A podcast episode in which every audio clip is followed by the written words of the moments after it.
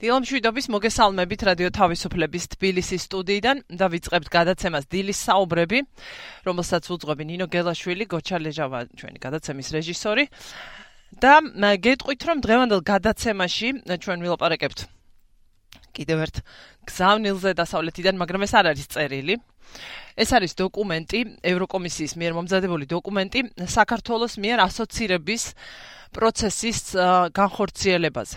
კერძოდ ასოცირების შეთანხმებით გათვალისწინებული ასე ვთქვათ, პასუხისგებლობების აღსრულებაზე და ეს კეთდება პერიოდულად ევროკომისიის მიერ. მოიცავს ყველა სფეროს პრაქტიკულად ქვეყნის ცხოვრების ყველა იმ სფეროს რომელიც მნიშვნელოვანია ქვეყნის განვითარებისთვის დაწყებული დემოკრატიის მდგომარეობით ეკონომიკით დასრულებული თუმცა ეკონომიკა კი არ არის. რა თქმა უნდა ყველაზე უმნიშვნელო ამ ყველაფერში მაგრამ ევროკავშირის სწორედაც ის პარტნიორია ეს სახელმწიფოთა ერთობა საქართველოსი რომელიც დიდ მნიშვნელობას ანიჭებს ქვეყნის ეკონომიკის მდგომარეობასაც და ამაზეც არის ლაპარაკი იმ დოკუმენტში ევროკომისიის დოკუმენტში რომელიც გამოქვეყნდა გასული კვირის ბოლოს და შედარებით ნაკლები ვიტყოდი არასრულ ფასოვანი ყურადღება მიექცა იმ თვალსაზრისით რომ უფრო მეტად წაკითხული და გავრცელებული იყო ამ დოკუმენტის ის ნაწილები რომლებიც როგორ თქვა რაღაცნაირად უფრო მეტად ჯდებოდა მიმდინარე პოლიტიკური დისკუსიის კონტექსტში. ვიდრე სტუმარი შემოგვერთდება, ეს გახლავთ ვანო ჩხიკვაძე, ღია საზოგადოების ფონდის ევროინტეგრაციის პროგრამის მენეჯერი და მასთან ერთად გავაგრძელებდე ამ დოკუმენტში ასახულ, ესე ვთქვათ, მდგომარეობაზე საუბარს, გეტყვით კიდევ რომ მიმდინარე კვირაში სავარაუდოდ, როგორც ვრცელდება ინფორმაცია, გამართება მეხუთე შეხვედრა ოპოზიციასა და უმრავლესობას შორის, რომელიც შეეხება მიმდინარეობს ეს პროცესი მოგეხსენებათ გასული წლიდან მოყოლებული და შეეხება საარჩევნო კანონმდებლობის ცვლილებაზე. პოზიციების შეჯერებას ჯერ ვერ დავარქმევდი, ასეთი ფაქტი ჯერ არ არის. ჯერჯერობით ორი მხარე წარმოადგენს პოზიციებს და ვერ თანხმდებიან ამაზე. წინასწარ რაც არის ცნობილი, ოპოზიცია აპირებს ასევე შეკრებას სავარაუდოდ დღეს და მსჯელობას იმაზე თუ ზუსტად კონკრეტულად რა რა პოზიციებით უნდა წარდგნენ უმრავლესობის წინაშე მორიგ შეხვედრაზე. 150-ზე ასეთი არის უმრავლესობის ბოლოს შეთავაზება. ამასობაში მოგეხსენებათ და გასულ კვირაში ჩვენ ვილაპარაკეთ კიდეც. მოვიდა ოდირის მოსაზრება იმ საკანონმდებლო ცვლილებების პროექტზე რომელიც ოპოზიცია მოამზადა ამაზეც იყო დიდი მსჯელობა და პოზიციების ასე ვთქვათ გამოხატვა ვისაც როგორ გააჩნია ვინ კითხულობს დოკუმენტს იქნება ეს წერილი, მოსაზრება, ანგარიში და ასე შემდეგ, ასე თქვა ჩვენმა ერთ-ერთმა რესპონდენტმა გასულ კვირაში და მართლაც ასეა, ჩვენ შევეცდებით ეს გააჩნია მოვაცილოთ და რეალურად შევხედოთ სურათს. ასევე გეტყვით რომ დღეს გამართება სასამართლო პროცესი 8 თებერვალს მარნეულის მუნიციპალიტეტში ორგანიზაციის სამართლიანი არჩევნების წარმომადგენელი რაშან ზიადალიევი დააკავეს. ინციდენტი იყო პოლიციის წარმომადგენელთან და არაერთი უფლებადამცველი ორგანიზაცია გამოეხმაურა ამ ფაქტს.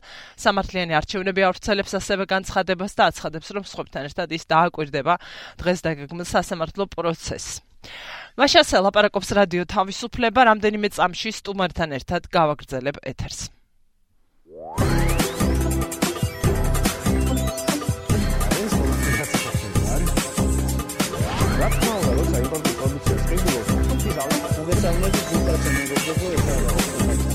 მარტო კაცი ჯამაშიც ბრალიაო ქართველები ამბობენ.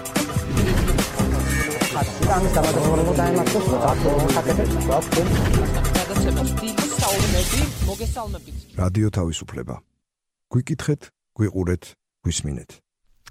დიახ, სწორედაც რომ ასე ვართ ყველა პლატფორმაზე, ახლა კი რადიო ეთერსა და Facebook-ზე პირდაპირ live stream-ის საშუალებით და ვაგრძელებ გადაცემას, ვაგრძელებ სტუმართან ერთად, ჩვენი სტუმარი გახლავთ ვანო ჩხიკვაძე, ღია საზოგადოების ფონდის ევროინტეგრაციის პროგრამის მენეჯერი ბატონო ვანო, მოგესალმებით.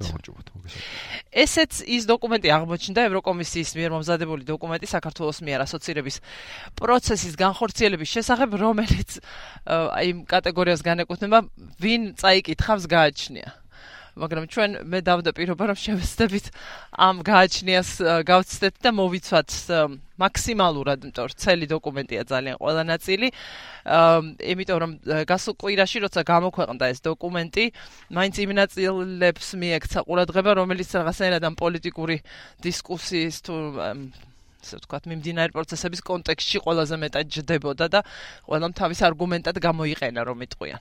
თუმცა ანგარიში მოიცავს ყველა ფერს აბსოლუტურად, ყველა სფეროს ქვეყნის ცხოვრების და თქვენ გისმენთ რა რა არის ერთი მხრივ ამას უნდა გავუსვათ ხაზი და დოკუმენტშიც არის აღნიშნული რომ საქართველოს მოსახლეობის უდიდესი ნაწილი გამოკითხულების ცირე რაღაცულებები არის მაგრამ უდიდესი ნაწილი უჭერს მხარს საქართველოს ევროკავშირში ინტეგრაციას თუმცა მეორე მხრივ გვაქვს რეალური ინსტრუმენტი ასოცირების შეთანხმების სახით რომლის შესრულებაშიც როგორც ხედავთ არის გარკვეული წინსვლაც და გარკვეული შეფერხებებიც და ამას ასახავს სწორედ ევროკომისიის მიერ მომზადებული ეს ნაშრომი.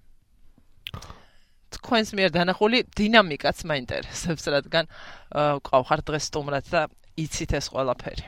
პირველ რიგში მადლობა მოწვევისთვის. რაც შეეხება უშუალოდ დოკუმენტს, თვითონ ეს არ არის ეს დოკუმენტი, რომელიც ცალსახად დადებითად აფასებს ყველაფერს ქვეყანაში ან ცალსახად უარყოფითად.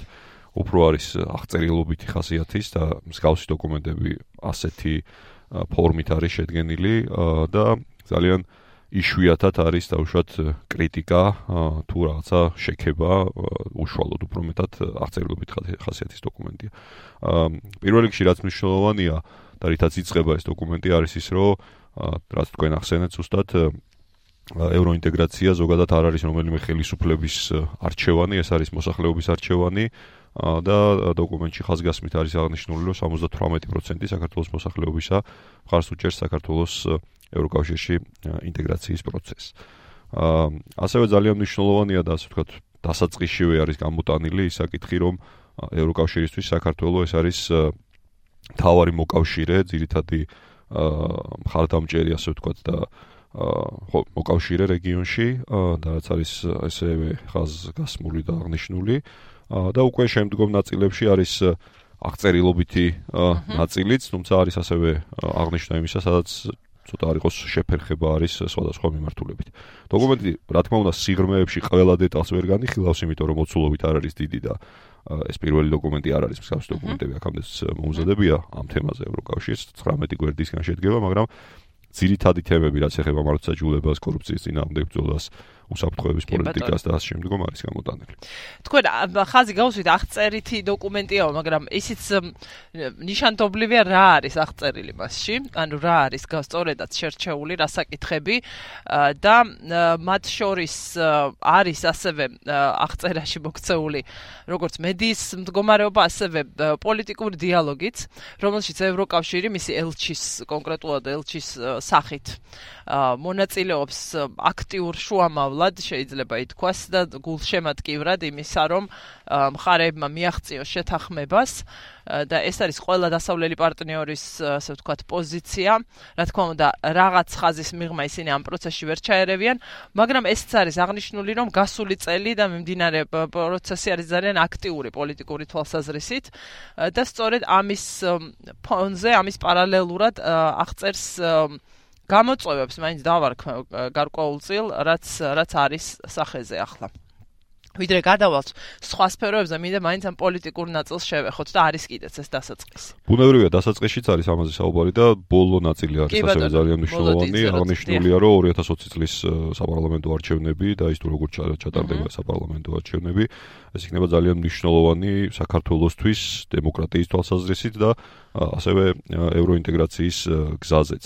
რაც შეეხება ასე ვთქვათ გამოტანილ ჰაილაითებს როგორც მას ეხლა ეძახიან ეს გახალთ პირველ რიგში ის რომ დამოუკიდებელ და ანგარიშვალდებულ სასამართლოზე არის აქ საუბარი.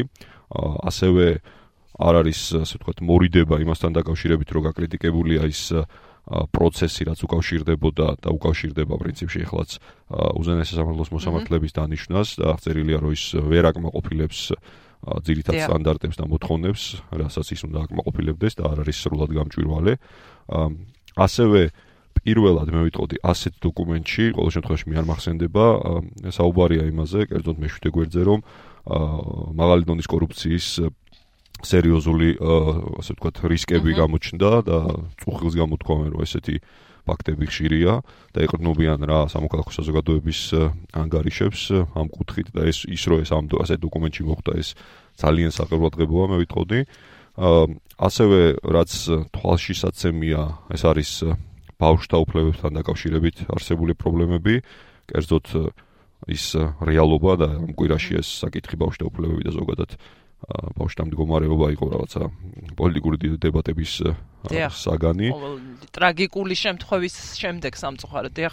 აქ საუბარია ზუსტად იმაზე და გამყარებულია ის არგუმენტი, რაზეც ბოლო 5-6 წელი რაც მე მესმის ეს საუბრები და აქაც კიდევ ერთხელ ხაზგასმულია რომ სამწუხაროდ ეს პრობლემა კიდევ დგას ჩვენს რეალობაში ეს არის ჩულთა სიკვდილიანობა მაღალი მაჩვენებელი და ასევე ის რომ ყოველი მეხუთე ბავშვი საქართველოს ცხოვრები ცხოვრობს იმ ოჯახში სადაც ძირითადი სასიცოცხლო და აუცილებელი ასე ვთქვათ პირობები და მოთხოვნები არ არის სამწუხაროდ დაკმაყოფილებული. ანუ ეს ძალიან საგანგაშო სტატისტიკაა მე ვიტყოდი და ამას ძალიან ჩვილების და რადგან ხო ამას შეხეთ ჩვილების და დედების სიკვდილიანობა ძალიან მაღალი.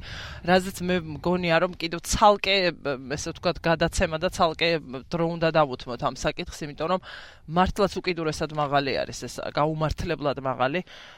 თუნდაც საქართველოს განვითარების ქვეყნისთვის ელემენტარული რა ვიცი რა რა დავარქვა ამას.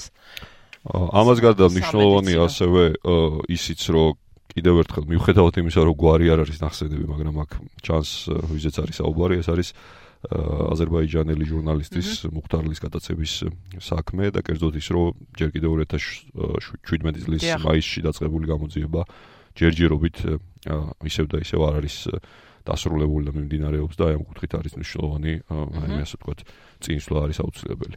აა და ასევე რახან ბავშვებზე საუბრობდით, აზეც ხშირად საუბრობს ასევე სამოქალაქო საზოგადოება და სამწუხაროდ ამ პრობლემასთან დაკავშირებით რაიმე წინსვლა ნაკლებად შეიმჩნევა, ეს არის ბავშვთა თავშესაფრები და განსაკუთრებით ისეთი ბავშვთა თავშესაფარი, რომლებიც შექმნილი არის ან მუნიციპალიტეტების მიერ, ან მართლმადიდებლური ეკლესიის მიერ, ან მუსლიმანური თემის მიერ და ასეთ დაწესებულებებში ისინი არ ექვემდებარებიან რაიმე რეგულაციებს, ასე ვთქვათ, დამოუკიდებლად ამოვარნილი არიან არსებული საკანონმდებლო ჩარჩოდან და დაახლოებით 900 ბავშვი ცხოვრობს სწორედ ასეთ დაწესებულებებში.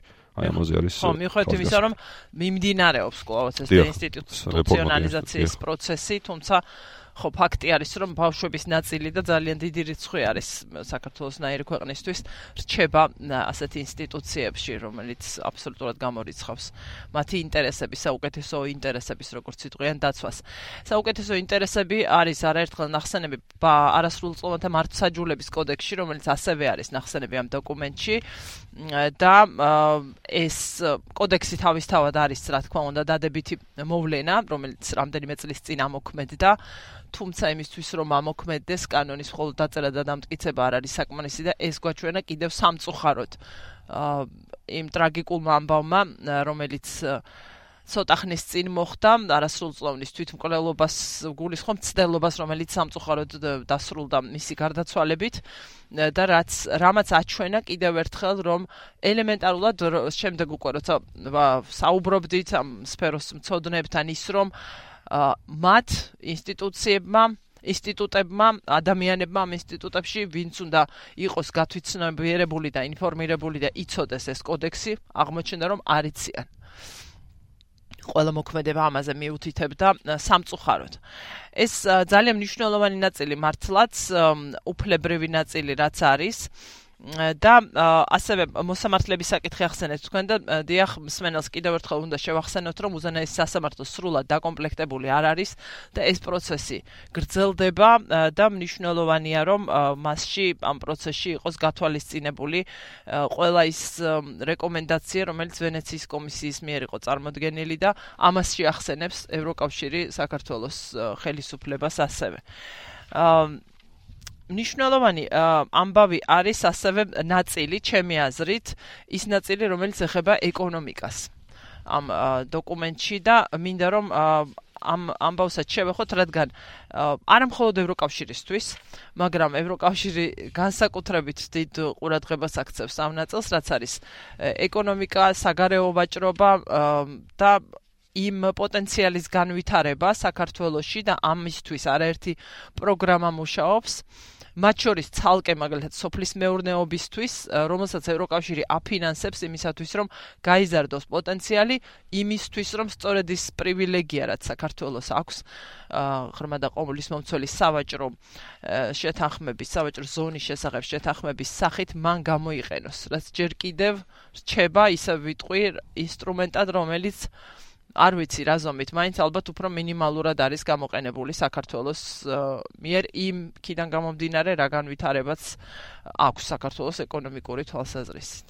აა, დიახ, მესამე ბლოკში არის ამასთან დაკავშირებით საუბარი. ამ დოკუმენტის ეკონომიკური განვითარება და საბაზრო ურთიერთობები, რაც რასაც ეხება ეს და ნაწილი. ну, აქ საუბარია პირველ რიგში იმაზე, ну, დადებითად არის აღნიშნული ის, რომ საქართველოს კონდა 5%-ამდე ეკონომიკური ზრდა, ცოტა მეტიც, გასულ წელს. თუმცა ასევე აღნიშნულია ისიც, რომ ის ქვეყნის ეკონომიკა და მისი ზრდა ხშირ შემთხვევაში მოწყვლადი არის გარე შოკებთან მიმართებაში, რაც არის მაგალითად თურქეთის ეკონომიკურ განვითარებაზე ძალიან ბევრი რამ არის დამოკიდებული და ის თუ როგორ რა ტენდენციები არის იქ ხშირ შემთხვევაში აისახება ასევე საქართველოსზე და ასევე საუბარია იმაზე, რომ ძალიან ხშირად ეს მოწყვლადობა განისაზღვრება იმ შიდა პოლიტიკური ვითარებით, რაც ქვეყანაშია და ძალიან ადვილად აალებადი სიტუაცია არის ამ კუთხით, რაც შეიძლება შემდგომ უკვე ეკონომიკურ განვითარებაზეც აისახოს. ასევე ძალიან საყურადღებოა ის ფაქტიც, რომ მიუხედავად იმისა, რაც თქვენ თქვით, მიუხედავად იმისა, რომ ძალიან დიდი ინვესტიციები იდება, თქვათ, და დახმარება ევროკავშირისა სოფლის მეურნეობის განვითარებაში, საქართველოს ექსპორტი ევროკავშირის ბაზარზე შემცირდა 15%-ით გასულ წელს. ეს ძალიან მნიშვნელოვანი ფაქტია და ძირითადად ეს შემცირების შემდგომ ძირითადად ექსპორტი მიმართებოდა რუსეთისკენ და დსთ-ს ქვეყნებისკენ. ალბათ ეს ძალიან საყურადღებოა და თვალშისაცემია ეს იმის გათვალისწინებით, რომ საქართველოს უკვე მე 5 წელია, მე 6 წელი უფრო სწორად დაიწყო, გვაქვს ჩვენ ღრმა და ყოველდღიური თავისუფალი ვაჭრობის შეთანხმება, რომელსაც იმ გათვლებით, რა გათვლებიც იყო გაკეთებული ამ დოკუმენტის გაფორმებამდე, შედეგები სწორედ ამ საშუალოვადიან პერსპექტივაში უკვე უნდა მოეტანა, მაგრამ აღმოჩნდა, რომ მე მე მინდა რომ ამ ნაწილზე შევჩერდეთ შეიძლება ეს თქვა ძალიან ეკონომიკური ესეთი სპეციფიკური საკითხია მაგრამ აა მინდა კითხოთ რა ხო აი მოლოდინი სხვა იყო რაღაცნაირად ამ ახსოვს ეს აღნიშნეთ რაღაც სხვა მოლოდინი იყო ოპტიმისტური და აი ახლა ვიგრძნობთ თქვა ამას ყველანი განსაკუთრებით მართლაც უკვე მე-6 წელი დაიწყო მას შემდეგ შეთანხმებამდე ამოქმედა ხომ? თუ სწორად მახსოვს. თუ 2014 წლიდან შევიდა ძალაში. და რამ გამოიწვია ეს შეფერხება და რა როგორ თქვა რა გამოცდილება არსებობს სხვა პარტნიორებთან უფრო წარმატებული იყო ვთქვათ ეს პირველი წლები, უკეთესად გამოიყენეს დრო, ვთქვათ სასტარტო მდგომარეობა ძალიან მნიშვნელოვანია ქვეყნის ალბათ. რა რა ინფორმაცია გაქვთ ამის შესახებ ანდოვან? ნუ ალბათ რამოდენიმე ფაქტორმა შეუშალა ხელი, მე კიდევ ერთხელ ვიტყვი რომ აგრე ახლა ვარ პროფესიით ეკონომისტი აქენა გამომდინარე. ხო, ამიტომ გავხეთე. ეს პირველად შემიძლია ამ თემაზე ვისაუბრო მხოლოდ. აა ეს არის ის რომ პირველ რიგში საქმე ეხება ტექნიკურ ბარიერები ვაჭრობაში და სანიტარული და ფიტოსანიტარული მოთხოვნები, რაც ჩვენ პროდუქციამ უნდა დააკმაყოფილოს. სამწუხარო ცხოველური წარმოშობის პროდუქცია, რაც ჩვენ გვაქვს, მისი თითქმის თითზე ჩამოსასვლელი დასახელების პროდუქცია აკმაყოფილებს და დაშვებული არის ევროკავშირის ბაზარზე. იქიდან გამომდინარე, რომ არ არის აღიარებული ის სისტემები, რაც ჩვენ ქვეყანაში არის თავსებადი ევროკავშირის მოთხოვნებთან. ამის გამოა სწორედ ის, რომ ფაქტიურად ძალიან გარდა იმ ტრადიციული პროდუქციებისა, რაც ისედაც გადიოდა ევროკავშირის ბაზარზე, მაგალითად ღვინო, ოთხილი და ასე შემდგომ, ძალიან ცოტა არის ისეთი პროდუქცია, რომელიც გადის მას მერე, რაც გაიხსნა ჩვენთვის ევროკავშირის ბაზარი. ანუ ძალიან ცოტა დასახელების ანუ შემადგენლობა ექსპორტისა ევროკავშირის ბაზარზე თითქმის უცვლელია. ანუ რაც გაგვქონდა ისევ ის გაგვაქვს და ამის თავარი პრობლემა გახლავთ პირველ რიგში ისევ და ისევ სურსათის უნებლობის შესახებ ანუ ის სისტემები რაც არსებობს ქვეყანაში და მეორე ჩემი აზრით ეს გახლავთ ის რომ ინვესტიციები იგივე დიდი მოცულობის ძალიან ცოტა იდება გადამუშავებელ მრეწველობაში და ასე შემდეგ. ანუ თითქმის თითქმის არ ხდება ინვესტიციების ჩადება ამ სფეროში. ну ასე ისევ და ისევ თუ სოფლის მეურნეობას დაუბრუნდებით, პრობლემები არის, რა თქმა უნდა, მიწის რეგისტრაციაში და ასევე იმაში, რომ ასე ვთქვათ, გამსხვილება არ ხდება მიწების და ძალიან ფრაგმენტულია. და პლუს ამას ის რომ უცხოური კაპიტალი სოფლის მეურნეობაში ძალიან ცოტა მოცულობით იდება, რაც უკავშირდება შესაძლოა დიდწილად იმას, რომ ჩვენ როგორც იცით მორატორიუმი გვაქვს გამოცხადებული ქვეყანას სასოფლო სამეურნეო მიწების გასხვისებასთან დაკავშირებით. ალბათ ეს ეს შეიძლება ვივარაუდოთ, რომ ეს არის ის ფაქტორები რაც ხელს უშლის. ხო, არც თუ უმნიშვნელოა კი ბატონო, რაც თქვენ ჩამოთვალეთ, მნიშვნელოვანი ფაქტორებია.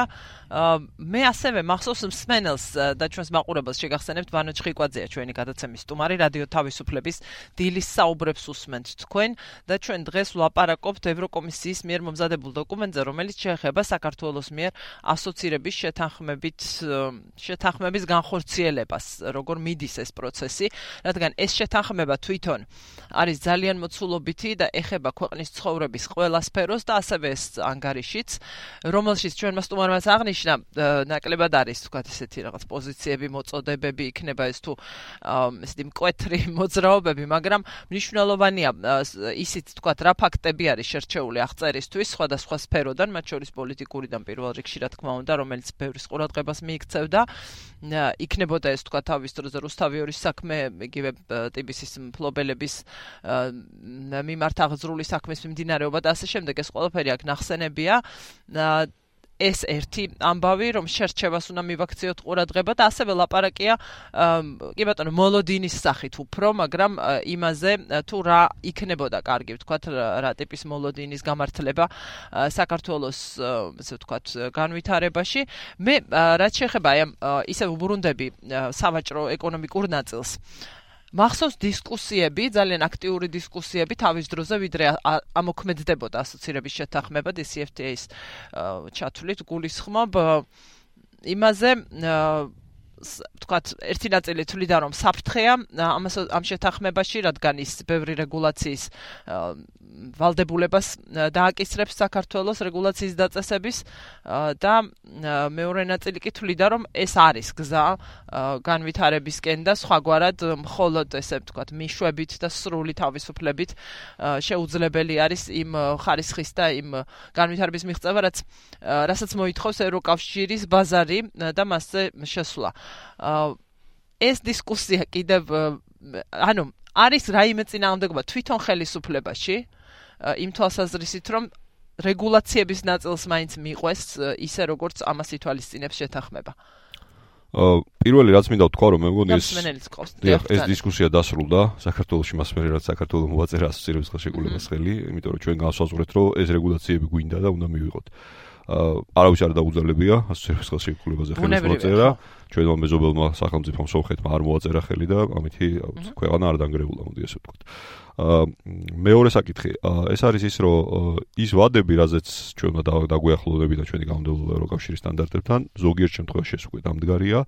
ზოგიერთ შემთხვევაში სამწუხაროდ მიუხედავად იმისა რომ მოხდა დაახლოება გამდევლობის სერიოზული ხარვეზები არის აღსრულებასთან დაკავშირებით მაგალითისათვის ყველაზე თვალსაჩინო რაც ეს არის და რასაც ნებისმიერი საქართველოს მოქალაქე ხედავს ეს არის მანქანების ტექნიკური დათვალიერებასთან დაკავშირებით არსებული პრობლემა. სად ჩამოვრჩებით ანუ? მე მგონი ახსრულების ნაწილზე ჩამოვრჩებით იმ თვალსაზრისით, რომ ხშირ შემთხვევაში ძალიან ბევრი არის და ხშირად სმენია ინფორმაცია და თუნდაც ვიზუალურად გარეთ ქუჩაში ზიარულის დრო ჩვენ ხედავთ, რომ მაინც საქართველოს ტერიტორიაზე გადაადგილდება მანქანები, რომელსაც მინიმუმ ალბათ ძალიან ბევრი კითხვის ნიშანს აჩენს იმასთან დაკავშირებით, რამდენად შეიძლება მას კონდეს გავლილი მანქანების ტექნიკური დათვალიერება, თელი სრული ეს პაკეტი რაც არის. ასევე ძალიან ხშირად არის შემთხვევები, როდესაც რაღაც რეგულაციებთან დაკავშირებით ვადები გადაიწია. აი მაგალითად ესეთი შეიძლება იყოს ისევ და ისევ მანქანების ტექნიკური დათვალიერებიდან მოვიყვან მაგალითს ეს არის კატალიზატორების საკითხი რომელიც წესით უნდა მოქმედებული იყო წელის დასაწყისში მაგრამ გადაიწია გარკვეული ვადით. ასევე ამ დოკუმენტში არის ძალიან საყურადღებო ფაქტი აღნიშნული და ერთგვარი კრიტიკა მე ვიტყოდი, როდესაც საქმე ეხება საქართველოს მიერ ენერგეტიკის მიმართულებით ნაკისრვალდებულებას და ევროკა ეს ამ დოკუმენტში ღიად ყოველგვარი ასე ვთქვათ დიპლომატიური ენის გამოყენების გარეშე არის აღნიშნული, რომ საქართველოს ძალიან ბევრ ვალდებულებებზე, რაც იყო აღებული ნაკისრი, რაც ჰქონდა ეგრეთ წოდებულ დედლაინს, ანუ დაახლოების ვადებს გადააჭარბა და უბრალოდ არ დაუახლოვა კანონმდებლობა, ასე რომ ეს ძალიან საყურადღებოა და მე მგონი გასათვალისწინებელიც საუბრობთ. ვანო ჩხიკვაძეა ჩვენი სტუმარი 2988327-ია ჩვენი ტელეფონის ნომერი. ერთი მსმენელი გველოდება და აი ხა ჩვენი რეჟისორი შემოიყვანს ამ ზარს იმედია დაგველოდეთ დიდ ბოდიშს გიხდით რომ ასე გალოდინეთ 2988327-ია ჩვენი ტელეფონის ნომერი. დილამშვიდობის გამარჯობა კარვადონონი. გამარჯობა. თქვენ სტუმარს მე ყოველთვის ვეკავდი ამ პრობლემატურ თემაზე, რასაც გაჭირვება ხდია და დალხენის ცხოვრებაში რომ არ ცხოვრობ ქართველები მე ერთ-ერთი ტაქსის ძღოლი ვარ. და მაშინაც დავაფიქსირე ყოველთვის ჩემი აზრით ეს არანაირ შედეგს არ მოგვიტანდა. ასოცირების ხელშეკრულებას რომ მივეს კი ბატონო კარგია მაგრამ რამდენი გაჭირვებული წავიდა? ხა ვინც დადიოდა ისე ვის ხალხი დადის ერთი და იგივე რაღაც 5% შეიძლება დაემატა მაგას. მე ვერც ვისარგებლე მაგი და კარგი ხანი კიდე ვერც ვისარგებლე მე მახსოვს კვირიკაშვილის განცხადება როდესაც ერთ დღეში ავტომობილების გაზი 40 ცენტით გაგვიძვირეს ერთ დღეში. და მეორე დღეს გამევიდა პრემიუმი და გითხრა რომ ხალხო ეს თქვენ უნდა მოითმნოთ რადგანაც რამოდენიმე ხნის მერე თქვენ ჯიბეებზე აისახება. აი რა აისახა? ან უვიზო რეჟიმით ან გამგაძვრებული ცხოვრებით ამ რეგულაციებით. მე ისე ვიძველი ოპელი მყავს და ამას ამას ვაკეთებ ვალებით მე სულ მიმწყროული ვარ ერთ კუთხეში ამ რეგულაციებს მიყვები ვალების აღებით. და მანქანა მაინც ისე ის მანქანა ყო და რაფერი არ შეცვლილა ამას როცა აკეთებს ხელისუფლება და რაღაც კომფორტულ ცხოვრებას ავაზობს ხალხს და ქვეყანას მაშინ რაღაცნაირად უნდა განვითარდეს რომ იმ ხალხმა შეძლოს იმის განვითარება. მე მირჩევნია ჩემთვის ან სესხი მოეცა და ან მანქანა მოეცა ახალი და ახალი მანქანით მევლო ვიდრე ამ 20 წლის მანქანას დღემდე მაგ აღებული ვალები ვერ გამისურებია. ეს არის რეგულაცია ეს არის განვითარებული ცხოვრება არაფერი არ ეშველება ამ ქვეყანას. კატალიზატორს რაც შეიძლება კიდე კატალიზატორი მიხვდნენ რომ ეს კიდე თავში ჩარტმა იქნებოდა მაგათაც და შეიკავეს თავი. კატალიზატორი თორე. კატალიზატორი რო ჩააყენოს ნამდვილი კატალიზატორი ძალიან ზურიჯდება და მაგათ ქონათ საუბარი რაღაც ჩინურზე რომელიც არაფერს არ წარმოადგენდა და არა უბრალოდ ფულს გააკეთებდნენ. მიხვდნენ ამდენს და გაჩერდნენ ეხტრობით მაგრამ მაგათაც შემოიღებენ. მადლობა. დიდი მადლობა. თქვენ დიდი მადლობა რომ გვისმენთ რომ გვირეკავთ ხო, აი ასე აისახავ თქვა ამ კონკრეტულ მოქალაქეზე, რასაც ისწავლეთ, მისთვის ეს არის ტვირთი. კი ბატონო. და ბევრი არის ასეთი დარწმუნებული ვარ, ეს ერთი რეკავს ჩვენი მსმენელი, მართლაც ადრეც და ურეკავს სწორედ რომ შემოდიოდა ეს რეგულაცია უნდა ამოქმედებულიყო. რა შეგიძლიათ რომ უპასუხოთ თქვენ? მე ხელისუფლების პოზიციიდან არ მინდა ეხლა ცხადია ველაპარაკო და ხო, ნუ რა შეიძლება უვიზო მიმოსვლას და ნუ წასვლასთან დაკავშირებით იმ თვალს ანუ ზოგადად რა შეიცვალა ამ კუთხით? აა რა თქმა უნდა მასშტაბურად და დიდად არაფერი ანუ ისე არ არის რომ და არც უნდა არც იყო ალბათ ის მოლოდინი რომ რაღაცა მალევე უცებ რაღაცა ეს შეიცვლებოდა ქვეყანაში მდგომარეობა. თუმცა არის რაღაცა საკითხები სადაც ცოტა არისო შედეგი დგას ძალიან ცოტა უნიშნელო მაგალითად ეს არის განათლების კუთხით, ოღონდ გულისხმობ ამ შემთხვევაში შესაძლებლობას, რომ ქართულმა სტუდენტებმა განათლება მიიღონ საქართველოს მოქალაქეებმა ევროკავშირის სხვადასხვა უნივერსიტეტებში, რაც ძალიან მნიშვნელოვანია ჩემის აზრით და რაოდენობა დაახლოებით 4000-მდეა თუ სწორად მახსოვს ახლა ვისაც შეძლო წასვლა და იქ განათლების მიღება. უიზო რეჟიმსაც შეეხება, ნუ აქაც საუბარია იმაზე, რომ 900000-ზე თითქმის მილიონამდე ვიზიტი იყო საქართველოს მოქალაქეების. აა თუმცაღა ცხადია ეს ეხება ხშირ შემთხვევაში ძირითადად იმ ადამიანებს, ვინც ერთი და იგივე ვიზიტერები არიან, ანუ რაოდენობა, ანუ მასშტაბურად ეს არის ცვლილება. კატალიზატორს რაც შეეხება ეს თემა და დღევანდელი დისკუსიის თემა ცხადია ეს არ არის და ამაზე სხვები შეიძლება ბევრად უფრო პროფესიონალურად საუბარს, მაგრამ აა პარლამენტის განმოსდაცვის კომიტეტმა თავის დროზე საპარლამენტო მოკვლევა გააკეთა, დოკუმენტი არის მომზადებული, სადაც მათ შორის რაც არის დამაბინძურებელი ჰაერის საქართველოსში არის ორი განსაკუთრებულად გამოყოფილი წყარო ეს არის სამშენებლო ნარჩენები და სამშენებლო ნაგავი და მტვერი და მეორე ეს არის ავტოტრანსპორტი. აა რაც შემდგომ მიწევს სამწუხაროდ იმას, რომ ცუდ ჰაერს უნდა თქვათ, სული ანუ ლატალური შედეგებია და ასე შემდგომ. აქედან გამომდინარე არის მნიშვნელოვანი სწორედ ის, რომ ის წყაროები რა ჩვენ გვაქვს, ეს აღმოფხვრათ. მე აბსოლუტურად მესმის ამ ადამიანის, ნამდვილად ძალიან ძნელია ეხლა რაღაცა დავამშვიდო ამ კუთხით, მაგრამ მეორე მხრივ ისის გასათვალისწინებელია, რომ მიუხედავად იმისა, რომ ეს კატალიზატორების დაყენება და მონტაჟი და ასე შემდგომ თანხებს უკავშირდება, გასათვალისწინებელია ის, რომ ეს მეორე მხრივ უკავშირდება გრძელვადიან პერსპექტივაში იმას, რომ უფრო სუფთა ჰაერი ის უნდგოს იგივე ჩვენი ოჯახის წევრებმა და შემდგომ ამითი არ იყოს გამოწვეული რაიმე დაავადებები რაც რესპირატორული ხო ყველაფერი დააწვა ასეთ ამ ადამიანებს მათ შორის ხო ერთი ტექნიკური დათვალიერება შემდეგ ეს მერის ინიციატივა კიდევ თეთრად შეღებვის და ეს ყველაფერი ძალიან რთულია ხო ეს შეკრულებას თეთრად შეღებილი საერთოდ არ უკავშირდება ეს მერის გადასაწყვეტია კი ბატონო მერის ინიციატივა იყო ნამდვილად. მსმენელია კიდევ ხაზზე დილამშვიდობის გისმენთ. დილამშვიდობის გამარჯობა. მე ამინდა თქვა ხა რეგულაციებს ეხებოდი თქვენ ავტომანქანებთან დაკავშირებით და არა მხოლოდ, კი ბატონო. არასწორად არის ეს ეს რეგულაცია მიღებული ჩემი აზრით ქვეყანაში უნდა შეძლეს ძველი მანქანების შემოყვანა და გადავიდეს ნელ-ნელა ცენტრის მანქანებზე როგორც ხდება ცივილიზებულ ქვეყნებში და ამ გზით ნელ-ნელა ჩანაცვლებ ადამიანს რომ არ მიუწება გელმანქანაზე ხელი და ვერ იყიდის რომ შეიძლება ეკნება ფული შეიძლება ახალ მანქანას არ ეკნება ვერ შეიძლება ეს ეს უფრო უკეთესი მგონია. მე ვიდრე ის რაც ახლა ხდება. ქვეყანაში და ძალიან ბევრი ძველი მანქანა ამის შეუძლებელია თეორიულად კი რომ ეს დაახლო მიიყვანო იმ სტანდარტებამდე რომელმაც უნდა დააკმაყოფილოს თანამედროვე გამოწვევები ასე რომ რაღაცა სხვა გზით უნდა მოხდეს. მესმის. აი ეს კითხვა მექნება, როგორ ხედავს?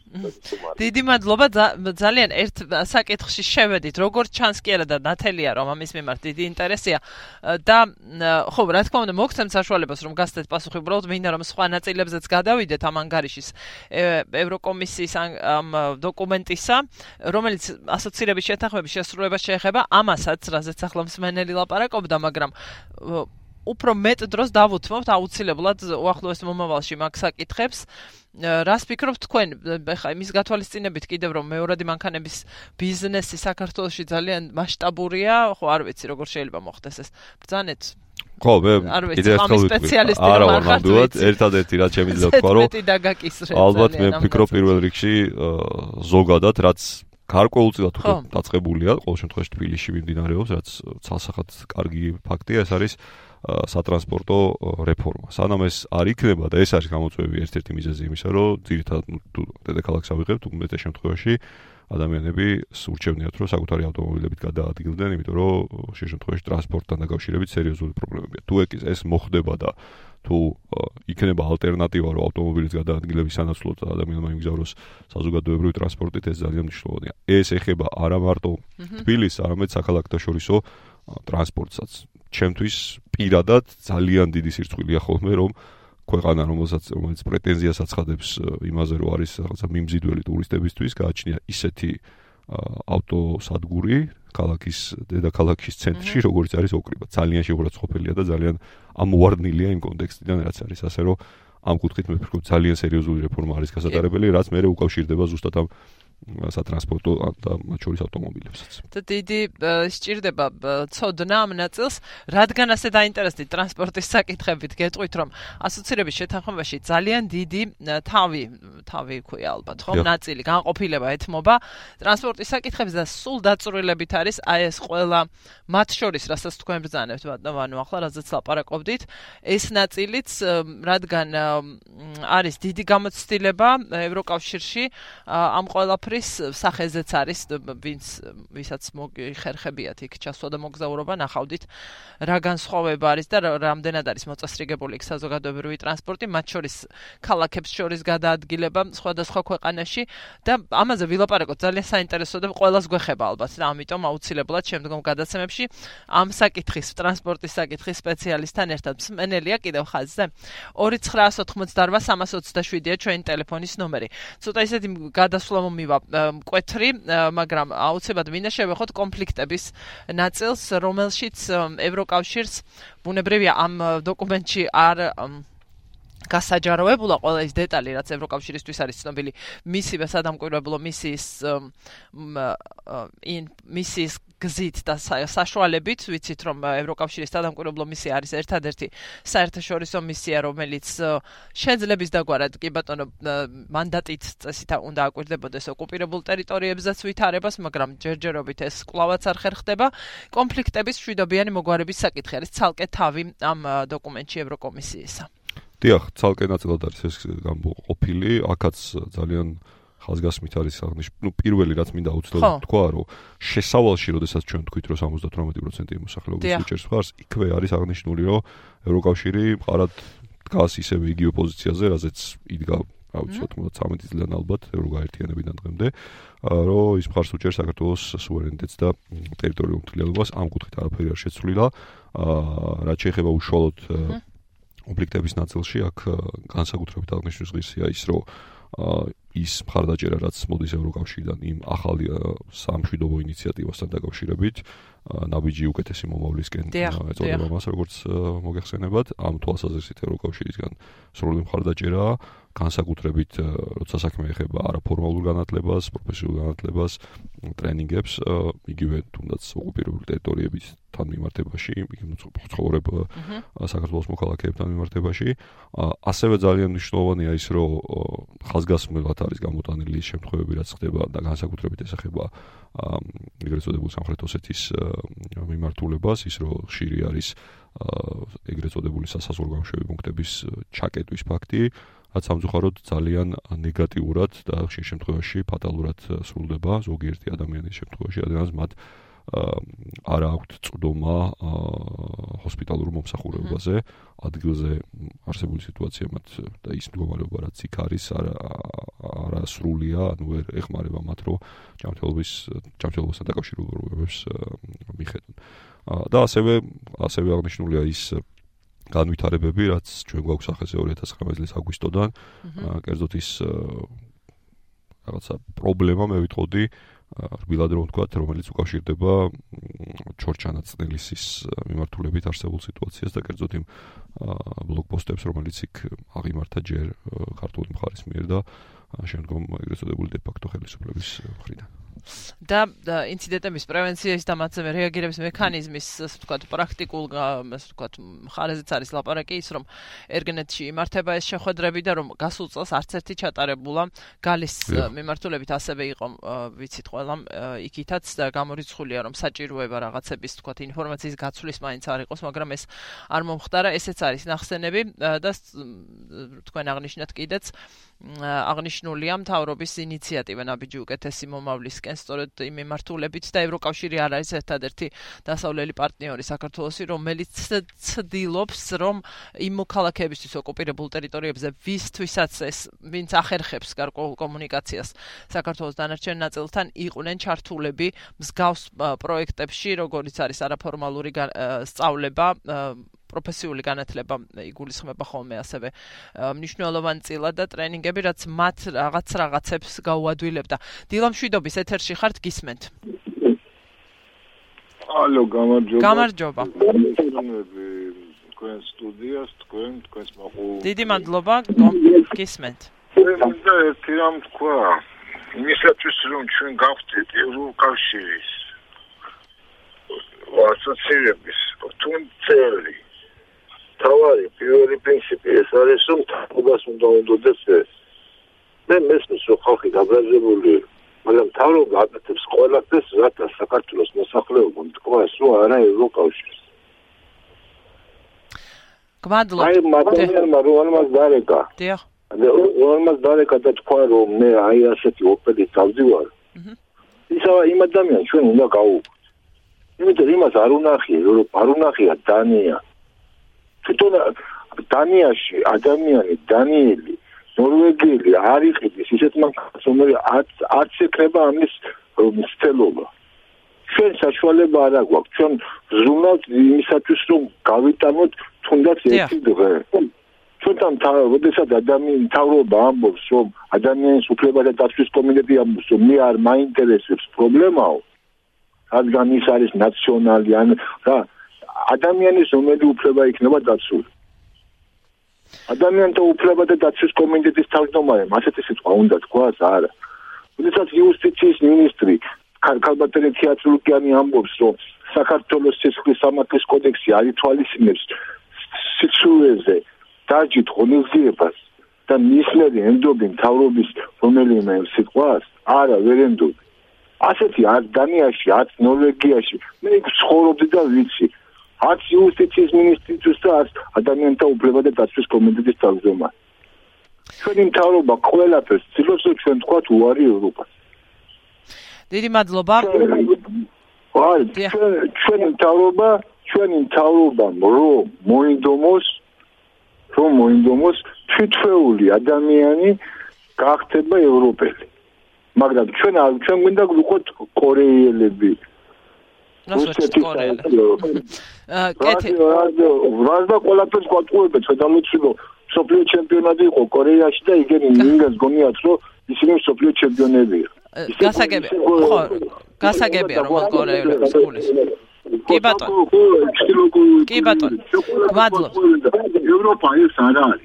ევროპა არის გასაგებია, დიდი მადლობა. სამსახურზე. მოდის სახში ფიქრობს სახზე. ეს ევროპელი და ჩვენ ვართ სად? გმადლობთ. გმადლობთ. დიდი მადლობა ზარისთვის. 2992327-ია ჩვენ ტელეფონის ნომერი. ერთი თხოვნა მექნება ტექნიკური პატარა რომ დაგვირეკავთ რადიოს ჩაუწიოთ ხოლმე იმ დროს და ტელეფონით თუ შესაძლებელია თქვენთვის ან როგორც კი გაგცემთ ხმას იმ რადიოს რომ ჩაუწიოთ მაგ მომენტში. რომ უფრო კარგად გავიგონოთ. ლაპარაკობს რადიო თავისუფლება და ვაგრძელებთ დილის საუბრებს და ამ ზარიდან გადავალ ბატონო, მაშინ იმ ნაწილზე რაც მსმენელმა ახსენა. რამდენად საკმარისია თუ არ ვიცი რა დაბარქვა თქვენთვის საკმარისი ის აქტივო აქტიურობა რასაც იჩენს. თუკი და ინიციატივას საქართველოს მთავრობა ევროინტეგრაციის კუთხით და რამდენად აქტუალურია ეს დღეს. მით უმეტეს ვიცით რომ რაღაც რაღაცები ბრიტანეთის გასვლას არ გულისხმობ მხოლოდ იცვლება გაფართოების გაფართოებასთან მიმართებით თავად ევროკავშირში თქვენ წევრობასთან დაკავშირებით. გაქვთ რა თქმა უნდა შეგიტყვა.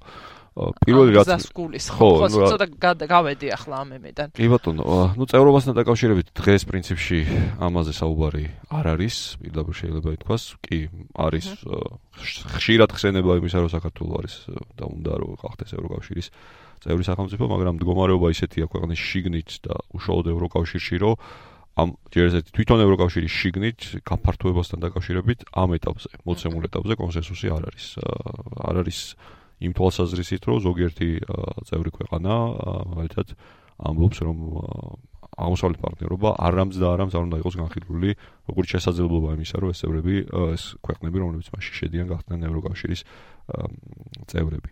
ჩვენ ველოდებით რა თქმა უნდა ყველანი ახალ ხედვას აღმოსავლეთ პარტნიორობასთან დაკავშირებით იმ ფორმატთან რაშიც ჩვენ ვართ სხვა ხუთ ქვეყანასთან ოთხ ქვეყანასთან ერთად და დავინახავთ რეალურად თუ როგორ უყურებს ევროკავშირი საქართველოსთან და სხვა ქვეყნებთან მაგალითად უკრაინასთან და მოლდოვასთან სამომავლო ურთიერთობებს. ამ კუთხით აქაც არის საუბარი ამ დოკუმენტში, რომ საქართველოს თავისი ხედვა წარმოადგენა თუ როგორ წარმოუდგენია სამომავლო ურთიერთობები ევროკავშირთან.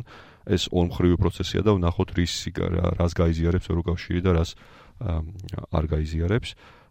დღეს ამ ეტაპზე სერიოზული საუბარი პროცესი საქართველოს ევროკავშირში გაწევრიანებასთან დაკავშირებით ნომინალურად დე იურე სადია დაწყებული არ არის და ის თუ როდის დაიწყება ამაზე პასუხი არავის არ გააჩნია.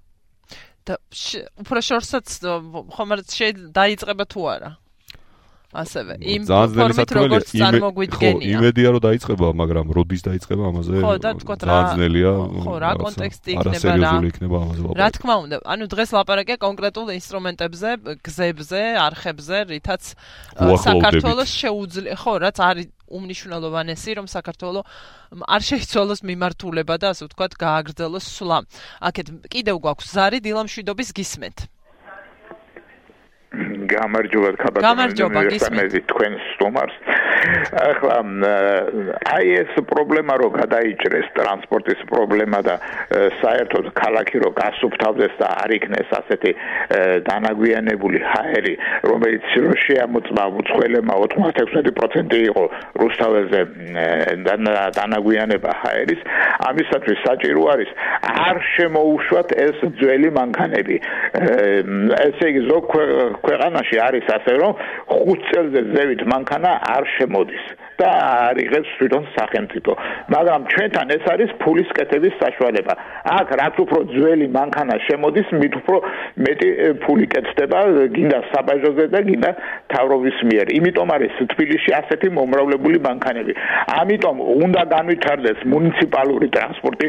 ტრანსპორტმა უნდა იაროს 5 წუთის შუალედით და საერთოდ მაშინ ხალხი უფრო დამშვიდებული იქნება და იმგზავრებს ამ ტრანსპორტს. მაგრამ იზუ როდესაც ტრანსპორტ საათობით ელოდები და მე კიდე საშინელი საცობები არის ქალაქში და იმაში ურჩევნია იმ ადამიანს რომ თავის დანჯღრეულ მანქანაში იჯდეს ელოდოს საცობს საცობის დამთავრებას და ასე იმოძრაოს. საერთოდ მე თუ მკითხავთ ქალაქში საერთოდ არ არის საჭირო სუბუქი მანქანა. ეს უნდა იყოს ძირითადად სოფლებში. და თითოეულა შეიძლება იყოს ოღონდ უნდა იყოს გამართული და რა თქმა უნდა აი ტექნასპორტი რო შემოიღეს რომ აი ამ დროს დამთავრდება ეს ეს ამ დროს სუბუქი მანქანების ამ დროს სატვირთო მანქანების. სად არის ეს პროგრამა? საერთოდ მუშაობს მაგრამ აი ახლა რაც აკეთებენ როცა მანქანა ასეთი გამონაბოლქვი და იმით არისო იმას აჯარიმებენ და იმპულსი დებენ ჯიბეში. აი ეს არის ამიტომ მუნიციპალური ტრანსპორტი უნდა განვითარდეს და უნდა იყოს ესე იგი მოძრაობა ყოველ 5 წუთში ერთხელ და არ უნდა უსწრებს ადამიანს საათობით ლოდენი კი ბატონო მართალი ბრძანდები დიდი მადლობა ზარის დიდი მადლობა ზარისთვის. მოდით პირობას დავდება შევთანხმდეთ ესე იგი ეთერში რომ მიმდინარე კვირაში აუცილებლად დავუთმობ გადაცემას ტრანსპორტის საკითხებს. ვაპირებდი კიდეც და ყველას მე მესმის და ვხედავ რომ ძალიან გვაწუხებს ყველას და ასევე მოსაზრებებიც გაქვთ და აუცილებლად დავუთმობ ეთერს ამ საკითხს მინდა ისე რომელიც არის ნაწილი რა თქმა უნდა კიდევ ვიტყვი ასოცირების შეთანხმების მაგრამ კიდევ ბევრი სხვა რამ არის და მინდა რომ რაღაცნაირად ხსენებით მაინც შევეხო იმ სხვა ნაწილებსაც. აღნიშნული არის და მნიშვნელოვანია ჩვენ ახლახან ვილაპარაკეთ ასევე დეცენტრალიზაციის საკითხზე, სწორედ მაშინ როცა სტრატეგია გამოქვეყნდა, როგორც წესი ჩვენ სეთერებში ზოგ მსმენელს ეს არ მოწონს, მაგრამ კრიტიკული ეს იყო, ასე ვთქვათ, ანალიზი ამ დოკუმენტისა, თუმცა ევროკავშირის ამ დოკუმენტში აღნიშნულია ეს ფაქტი, რა თქმა უნდა, სულ არ ქონას ჯობია რომ იყოს ასეთი სტრატეგია, რომელიც ძალიან მნიშვნელოვანია და დეცენტრალიზაციის მნიშვნელობას როგორც მნიშვნელობა განსაკუთრებით კარგად იცის ევროკავშირმა ყველა თვალსაზრისით. დაწყებული არ ვიცი სოციალური საკითხების მოგვარებით, დასრულებული ეკონომიკის განვითარებით, ინკლუზიურზე რომ ლაპარაკობენ ხომ ხშირად ოფილი იქნება თუ ახლანდელი ministrები ეკონომიკის ინკლუზიურ განვითარებაზე. სხვაგვარად დეცენტრალიზაციის გარეშე არ ვიცი ეს წარმოუდგენელი მგონია. ეს ნაწილი არის თქო ასევე აღნიშნული ამ დოკუმენტში. ზარი გოქს ბატონო და მოგცემთ საშუალებას ასევე რომ უპასუხოთ სულ შემოგველია დრო ამასობაში. დილამ შვიდობის გისმენთ. გამარჯობა. ესალები თქვენ სტუმარს და ძალიან მოკლედ უნდა მოახერხოთ. დიახ. მოკლედ ესე იგი თქვენ ჩამოთვალეთ რას უნდა შეეხოთ შემდეგ თემებში და მე მიჩვენია მაშინ დავიცავთ ამასთან დაკავშირებით, იმიტომ რომ მარტო მანქანები არ გასაზღვრავს იმ პრობლემას. კი, კი, კი, თუ შეიძლება ხო. ამ თუ წერილი ვერ ჩვენ ვერ წერილი სპოილერია თუ წერილია და თავარი რა არის ქალბატონო მოკლედ გითხრით. ქალბატონის წარმომადგენელი რომელიც USAID-ენ იყო თქვენთან დებს საიტზე. ესე გვეუბნებიან რომ აქტებული თანხა 16 მილიონამდე გადმოიცა არჩევნების ჩასატარებლად არასამთავრობო და არასახელმწიფო პარტიებთან მიმართებაში, რომლის ნაწილიც უნდა მოატეხნონ ან ქალბატონს რაც იმასთან დაკავშირებით რომ ეს ანტირუსულად მოაზროვნე პარტიები პრაქტიკულად არ იყვნენ გამოხონებული ანტირუსული პოლიტიკის აჟიოტაჟის ასტახებად. ასე თქვა გოგიდაკი გოგავა. რაღაც ლაბორატორიის თავმჯდომარე, პატრიოტის ფანმა და მართლა ესეა თუ არა იქნება გაგვირქვიოთ. კეთილი ხო სხვა თემას ეხება ესე ძალიან დიდი მადლობა ზარისთვის. მეც მოვისმინე ეს ინტერპრეტაცია ყოველას თავისი მოსაზრება აქვს არ ყოფილა ასე და ვილაპარაკებთ მაგნაწილზეც არჩევნების პროცესში საერთაშორისო დახმარებაზე როგორც იყო ისე გრძელდება ის პროექტი როგორც იყო დაგეგმილი თავიდან ხო რა არ ვიცი სხვა ინფორმაცია არ არის ყოველ შემთხვევაში. და ისე ვუბრუნდები თემას ორი წუთი გაგვრჩება სულ ბატონო ანუ რა არის რა რაიმე ხომ არ გამოგრჩა მე არ გამოგრჩა შეკითხვებში.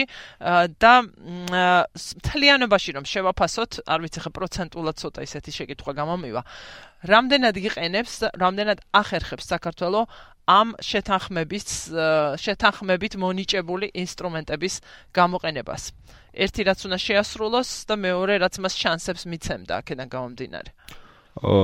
პირველ რიგში კიდევ ერთხელ მადლობა მოწვევისთვის. მეორე რაც მნიშვნელოვანი არის, რომ ეს საკითხი ხშირად წამოიწევს ხოლმე საქართველოსში ზოგადად მედიას არ გულისხმობ ამ შემთხვევაში ხელისუფლებაში, მას შემდგომ როცა რაღაცა რაღაც დოკუმენტს დადებს ევროკავშირი ამასთან დაკავშირებით, რაღაცა ეს არის ყოველ სამწუხაროდ თუ საბედნიეროდ ეს არის ყოველწლიური რუტინა, რომელიც არ არის რაღაცა სახალისო სამუშაო ნამდვილად, საკმაოდ მოსაცხენის საქმეა, თუმცა შედეგი არის ძალიან ძალიან გრძელვადიან პერსპექტივაში, სწორედ ის შეშფოთება და წუხილი რაც ჩვენ მოვისმინეთ დღეს ძალიან ხშირად შეიძლება ჩვენ ამ გზაზე თაქვთეს წინ, ეს არ არის გზა, რომელიც რაღაცა ჩვენ გავდივართ მხოლოდ, ჩვენზე ადრე გაიარეს სხვა ქვეყნებმა და ხშირ შემთხვევაში თუ კი იმ ქვეყნების გამოცდილებას გავითვალისწინებთ, მათაც არ კონდათ, ასე ვთქვათ, იავარდით მოფენილი ეს გზა, მათაც ძალიან ხშირად კონდათ ის პრობლემები, რაზეც აქ იყო საუბარი, მაგრამ დღეს ისინი ბევრად უფრო წინ არიან, ვიდრე და ბევრად უკეთეს მდგომარეობაში, ვიდრე ვარ ჩვენ. იმ რუტინაშია გასაღები სხვათა შორის იმ რუტინულ შრომაში რომელიც ყველაზე მოსაწყენია მაგრამ რას ვიზამთ? ძალიან დიდი მადლობა. ვანო ჩხიკვაძეს ღია საზოგადოების ფონდის ევროინტეგრაციის პროგრამის მენეჯერი იყო ჩვენი სტუმარი. რადიო თავისუფლების დილის საუბრებს უსმენთ თქვენ. მე გემშვიდობებით ხვალამდე ლაპარაკობს რადიო თავისუფლება. დიდი მადლობა